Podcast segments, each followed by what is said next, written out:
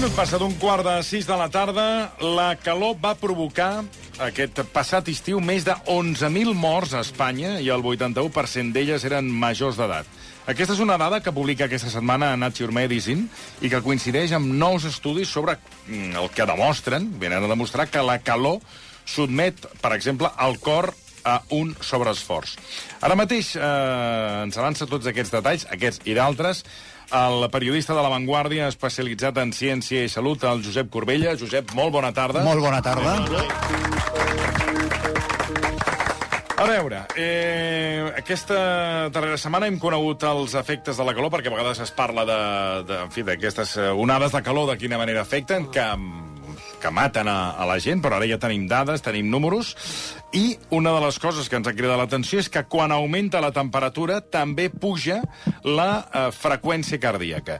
Això vol dir que la calor sotmet el cor a un sobreesforç. I aquesta és la principal conclusió d'una investigació de la Universitat Estatal de Pensilvània que explica per què pateix aquest òrgan amb les altes temperatures i fa augmentar la mortalitat. A veure, això només passa amb la gent gran o ens passa a tots, que augmenta la freqüència cardíaca? Ens passa a tots, però la gent jove i sana eh, és irrellevant i en general ni se n'adona, mentre que la gent gran amb cardiopaties, aquest estrès addicional al qual es veu sotmès el cor en situacions de molt alta temperatura, doncs pot causar complicacions importants. Per tant, són més vulnerables la gent gran.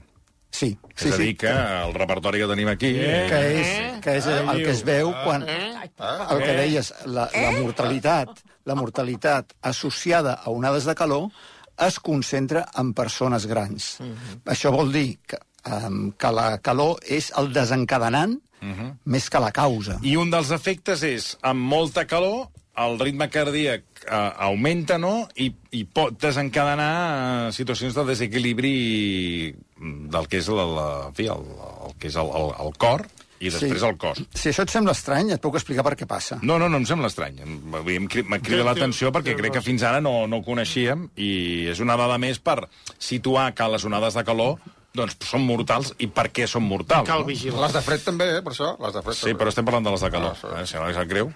Ah, val. Eh? Però el fred Eh, també clar, mata sí, sí, sí, més sí. gent encara. Eh? No, sota l'aigua també. Si és que ens posem a posar exemples de tot, Clar, sí, clar, sí, molta estona sota I a la lluna també. Bueno, anem a la, la que ens ocupa. El per què, el a veure, el per què? Josep Corbell. Mira, el, perquè el cos humà necessita mantenir una temperatura constant per funcionar bé i de manera que eh, necessitem mecanismes per dissipar la calor quan hi ha un excés de calor. I en tenim dos. Un és eh, la suor, mm. perquè el, quan el, la, el líquid, l'aigua mm. que ens queda a la pell s'evapora i perquè un líquid passi a gas necessita eh, escalfor i aquesta escalfor la roba del cos. Mm. Per tant, eh, per aquest motiu, per aquest mateix motiu, per exemple, si quan fa molta calor us dutxeu, us, Sí. us eh, poseu aigua per sobre, mm. refresca. Per què? Perquè aquesta aigua, mm. quan s'asseca, està robant calor del cos. Aquest és un dels mecanismes. I l'altre mecanisme que tenim per dissipar la calor és el que se'n diu la vasodilatació, la dilatació dels vasos sanguinis que estan a prop de la pell. Oi que hi ha persones que quan tenen calor es posen vermelles? Sí. És perquè la sang aflueix a la pell. Aleshores, quan passa això, el cor es veu eh, obligat a bombar més Clar. sang per portar-la a la pell i per no deixar de portar sang als òrgans que els fa falta, com sigui el, el cervell, el fetge, els pulmons, tot el cos. Aleshores, aquest esforç addicional del cor, com el fa? Doncs bategant més de pressa. Per, per això passa. Que us bombin, diu. Que us bombin, diu el cor. com, el, com el Trias, que va dir allò.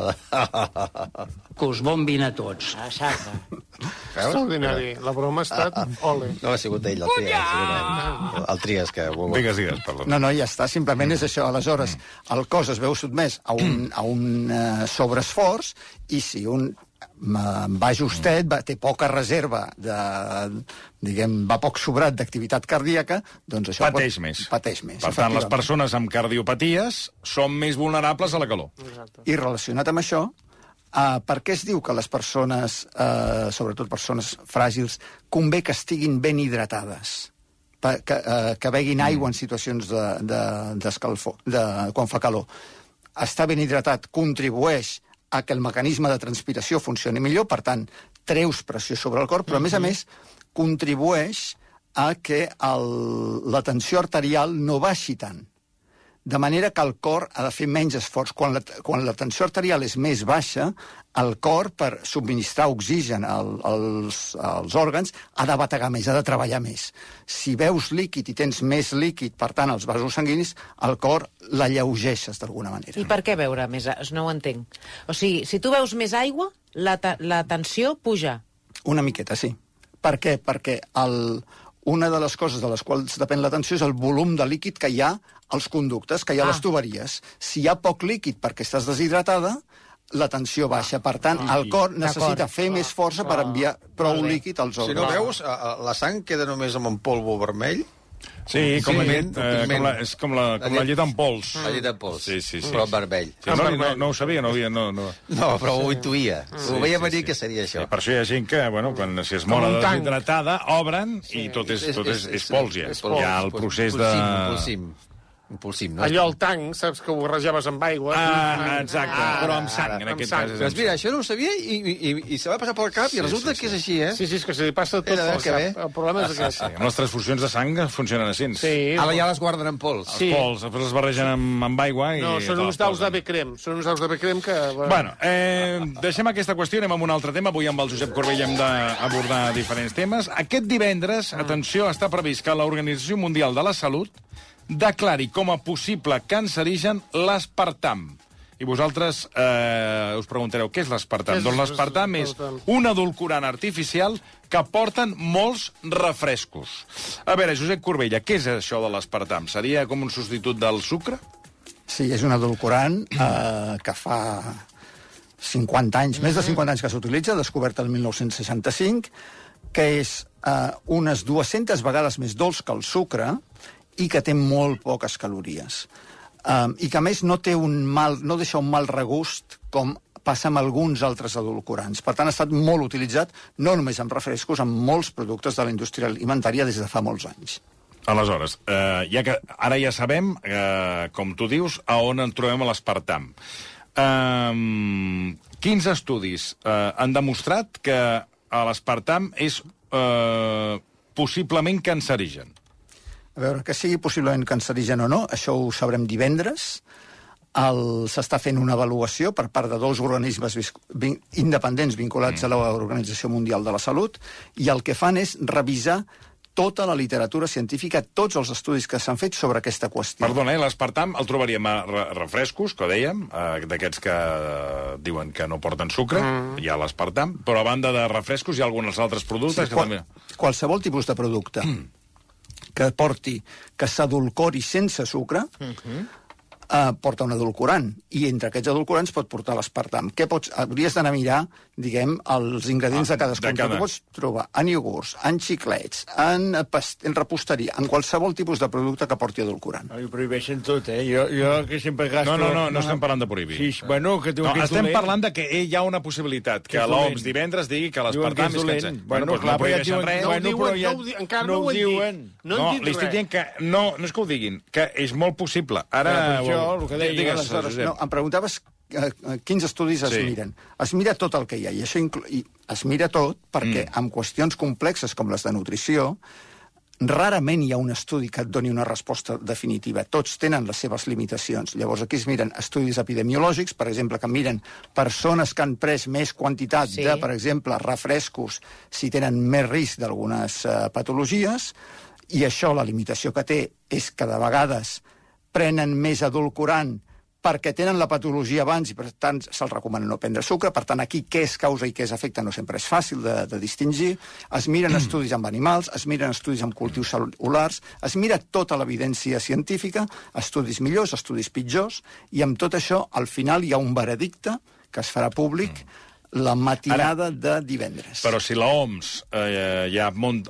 O sigui, l'OMS entra a fer una roda de premsa per parlar de l'espartam divendres... Mm, perquè hi ha molta expectació, perquè és un producte... Molt utilitzat. Molt utilitzat. gasto. Però no, no, ens preci... no avancem conclusions. És possible que les conclusions siguin més tranquil·litzadores que no, que no d'alerta. eh, que disculpa, Marta. Fa 11 anys, eh, el programa Sense Ficció de TV3 eh, a mi em va marcar un documental, eh, que per cert es deia, el documental es deia Què mengem? Dic, em va marcar quan parlaven de l'aspartam.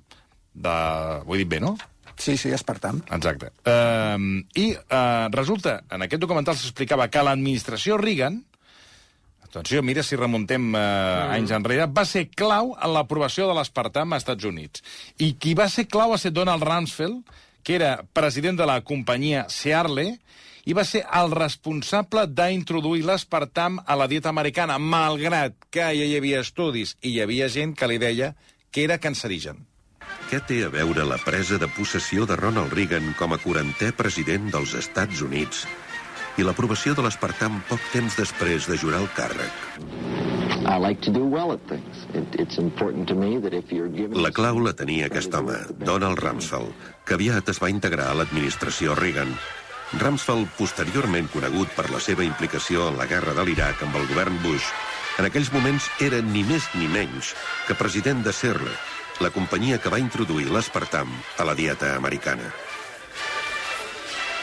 Donald Rumsfeld, el president de la Serla Drug Company i la persona que va jugar un paper clau en l'aprovació de l'espartam Nutrasuit, va ser una peça fonamental en l'equip de transició del president Reagan. Rumsfeld va dir trucaré a tots els meus contactes a Washington i faré que Nutrasuit estigui al mercat abans del final del 1981. Doncs ja sabem com es va aprovar uh, aquest producte, l'espartam, mm, a dins, o sigui, es va aprovar als Estats Units i es va posar en marxa uh, per la ciutadania. Ves per on. Uh, ves per on? Amb Donald Rumsfeld. No veig, amb tot el, aquest tall que heu passat, mm. No he sentit res que em sembli criticable. Anem a veure. Bueno, A veure, el senyor, el senyor perdona, Rams, perdona. aprovat- Es va aprovar per qüestions polítiques i influències polítiques. com tantes i, per- tantes per- coses i- que s'aproven... I perquè, perdona, en el documental no et posaré el documental sencer. Perquè, clar, si vols, mira, fem el documental i no, No, fem no. secció. Però, Però, a veure, escolta- aquí el que es posava eh, sobre la taula és que no hi havia... O sigui, que hi havia dubtes sobre aquest producte. Exacte. No, anem a... I es va tirar endavant sense... Sense, sense, Sense treure- mirar prim, sense, exacte, perquè sense les m'interessava a mi per- per- perquè tenia de l'empresa. posar l'espartam, que era el substitut d'altres productes eh, substitutius els del, dubtes del, en del aquest sucre. tall no hi eren, però en tot cas l'espartam no només es va aprovar als Estats Units, s'ha- aprovat en moltes, a Sí, molts però altres el països. primer lloc on es va Aquí aprovar va ser l'espartam. Ma- Va ser als Als Estats, Estats Units. Units. Sempre hi ha un primer lloc i, Vale. i és lògic que sigui el lloc on es desenvolupa. Sí, sí, bueno, però I- el que i- t'estic i dient, no que és- no estava tan clar en el seu moment de posar-lo al mercat. I tal com funciona el món, que el món és imperfecte, mm. persones que en un moment donat es dediquen a la política, abans s'han dedicat de vegades a la indústria. Mm. I quan s'estan dedicant a la indústria, és lògic que...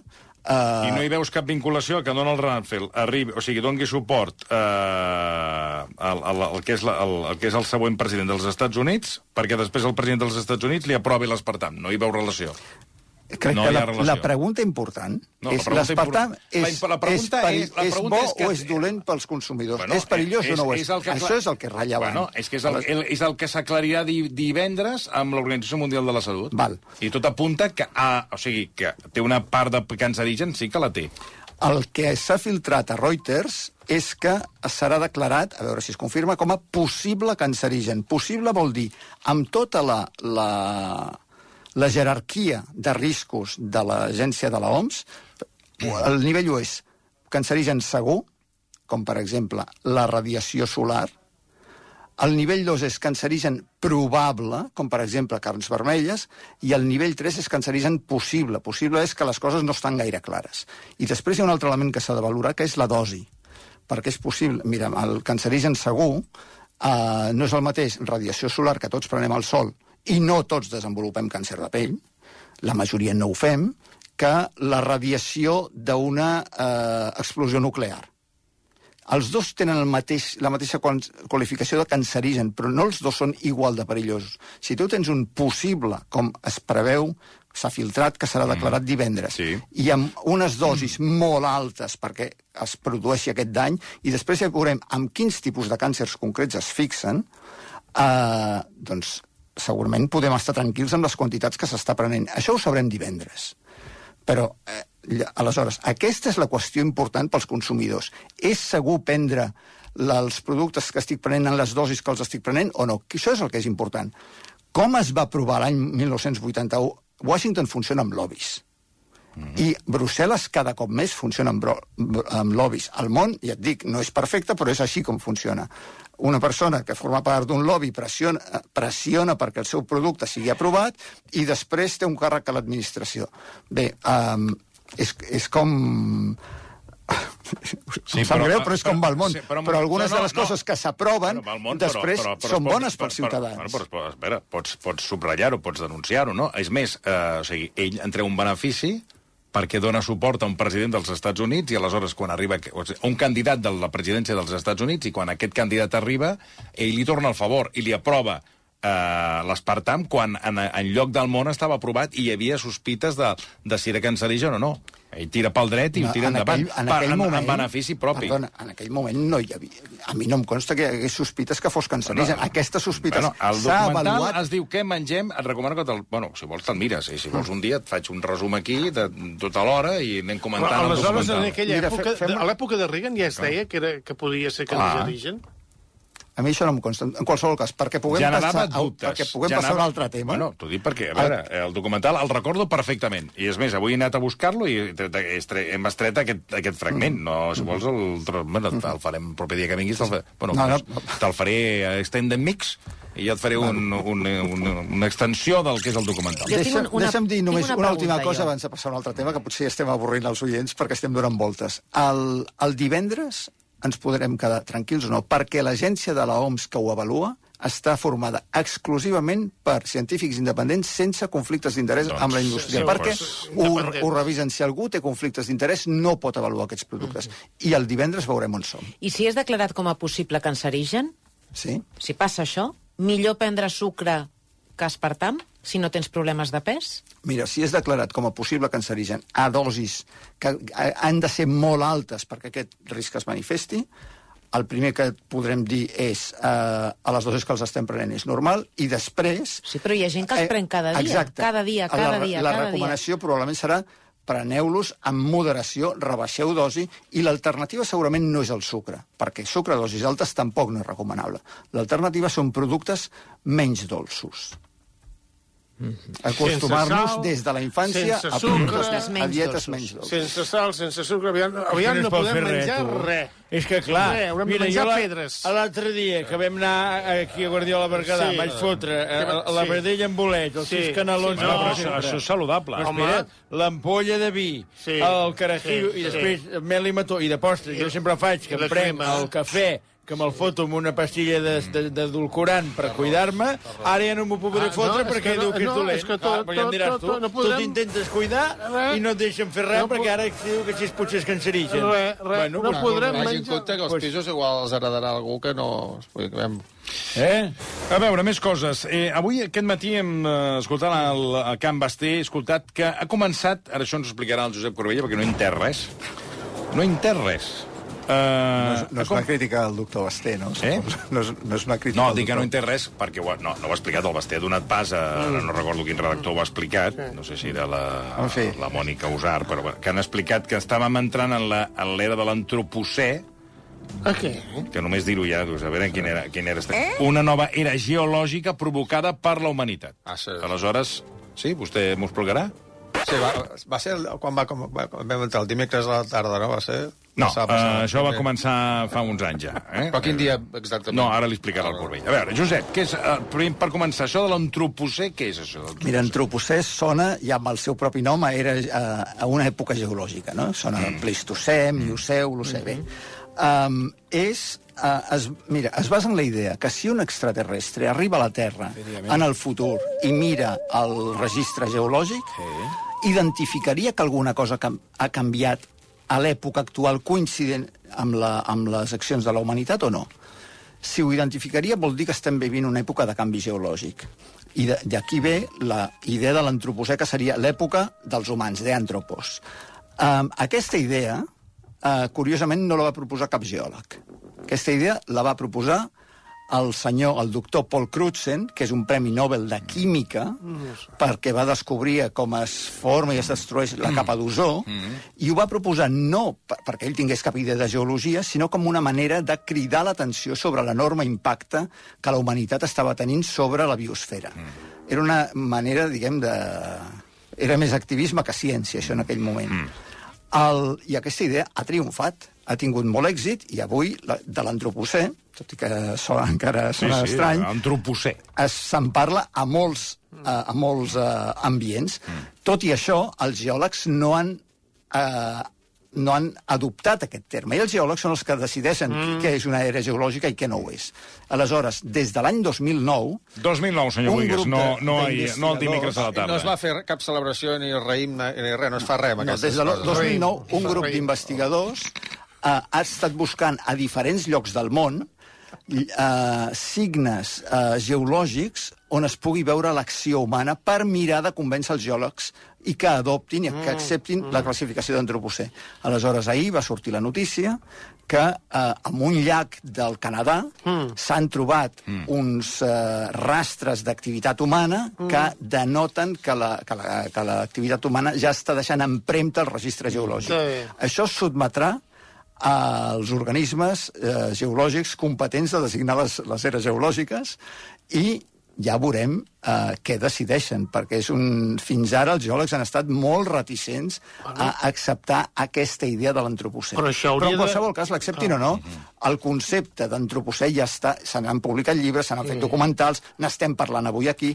El concepte d'antropocè, de la- l'enorme impacte que té la humanitat en la biosfera, ja s'ha ja Representa que hauria de començar d'abans de les piràmides, tot això, quan hi ha, quan hi ha gent, representa quan Clar, hi ha gent. Sempre, eh, qualsevol conversa d'aquestes, sempre anem a parar a les piràmides. Jo no sé com Sí. la gent s'ho fa, que és el seu cas, que sempre, tard o d'hora, apareixen les Que és piràmides. edifici, un edifici fàcil de fer. Eh, Aviam, no pot caure mai. Ample de baix, estret de dalt. Mm. Sí, Difícil sí. s'ha de fer al revés, Sí. que En s'aguantés per la en tot punta. cas serà un Sí. edifici ben Sí. fet. Com vols dir? No, Home, si diu que, escolti, ha aguantat... Eh, Sí, bueno, però- no sé, bueno, més- més de 2.500 És l'única de les set meravelles del món que queda. Per això és el que li No, dic. però la forma és molt fàcil. El Sí, difícil sí, és però- fer... Mira, fes tu... A, a, a, els egipcis haguessin fet les, les torres Kio, Sí, sí, aquelles però- de Madrid, però- que no, són però- però tortes... dic- dic de fer-la- Digue, contesta'm això. Les torres aquelles que són... O, o aquell el museu de disseny de, de, Sí, però de li la plaça dir, de les però Glòries... què, què és més important? Sí. Fer-lo fer una forma que, per exemple, Sí. sí. l'edifici, la, la, les Torres Kio, d'aquí 2.000 anys no hi seran les Torres Kio. No. En canvi, les piràmides sí que hi seran. Però això, però això és el primer que fa un nen a, a, a la platja, Pues aquesta miri, forma així. prefereixo una forma d'un nen que no les Torres Kio. Me les van fer ben fetes perquè són Que no monuments ja. funeraris Ara i fins ara han van aguantat, assegurar, han aguantat l'eternitat. Bueno, funeraris. Això diuen. Sí, doncs què eren? A veure, No que el senyor Marcelí ara ens il·lustra. Que eren conos de l'autopista? És molt probable. És que... És molt atenció, probable perquè hi havia A veure, un- qui diu la Perdona, estupidesa més gran. A Hi havia veure, un ara trànsit de camells Sí, sí, clar. que feia esgarrifar I la van dir, perquè ho vegin bé, posarem tres Posem conos, tres conos. un al costat de l'altre. Perquè diguin uns cap aquí i els altres cap I, allà. la, perquè i, les, havia fi, i, les, fi, un- I era la que cobrava el peatge, no? Ah, exacte. Vale, vale. Bueno. Digues, digues, Corbella. Bueno, ja està, no? Ja estem, ja estem. Molt bé, doncs escolta. Vinga, això. Per cert, ha acabat el tour, qui ha guanyat? Ha guanyat Gespet. Gespet. eh, Ges- Gespet. a punt. Gespet Pilsen, que és, un, que és belga. És belga. Va, molt bé. Bueno, eh... Que, tinc, que qui és? Eh? Es veu que ha guanyat altres, altres este, etapes. es este No, que está aquí en la no, tierra. no, Aquest, no conec. aquest. El món del Este Gespet, Gespet. Están No. todos chupados los ciclistas que sembra que los envasen al buit. Están como chupados. Sí, sí. dale un és bollo, clar. dale algo, dale una És magdalena. que si, si, el, si haguessin de fer el tour amb el seu pes, eh, clar, li, li sortirien les dues galtes del cul pel, pel, pel sillent Li tocarien a la roda. i li tocarien a la roda i, clar, És que o sembla sigui, que no li quedaria el cul com foradat. Bueno, pero yo... ¿Eh? Porque claro, con esta pinta, si això és un saco hueso, es que Pues és diràs que li dic, que quan menys pesen, més tiren. Rotondes. Va, eh, deixa'm preguntar una cosa al Corbella. T'agrada Eurovisió? No en sóc fan. No ens fan, bueno. sento. Avui, avui, tot, tot, tots Tot- els que, tot- tot, a tot qualsevol no, que li tot pregunto... Un trepitjant merda. Tot, no li agrada res a ningú. Tot va, pi- tot és... Jo crec que és el mal humor de les Preguntes calors. unes merdes, també. No. Perdona, Toni, a tu t'agrada? A mi sí. Fantàstic. Per això t'ho pregunto, a mi sí. A mi sí, sí que m'agrada. És A el mal- és la calor. No hauria dit mai. Et, diré més. M'agrada Eurovisió, m'agrada el festival, com a, com a fest, eh, espectacle televisiu, per mi és un dels millors del, de l'any. Ara, l'antroposet, sincerament, no m'apassiona. No et diu res. Em quedo més amb el Festival Amb d'Eurovisió. Eurovisió. L'antropocè no et diu res. Bueno, em diu, em diu poca cosa. Eh, Josep, moltíssimes gràcies. A vosaltres. Eh, D'aquí dos minuts sí. ens n'anem fins al Teatre Borràs, on ens espera Jordi Rato? Marc Serra, no, Marc Serra i els de 12 Points. Ai, que bien. Versió RAC 1.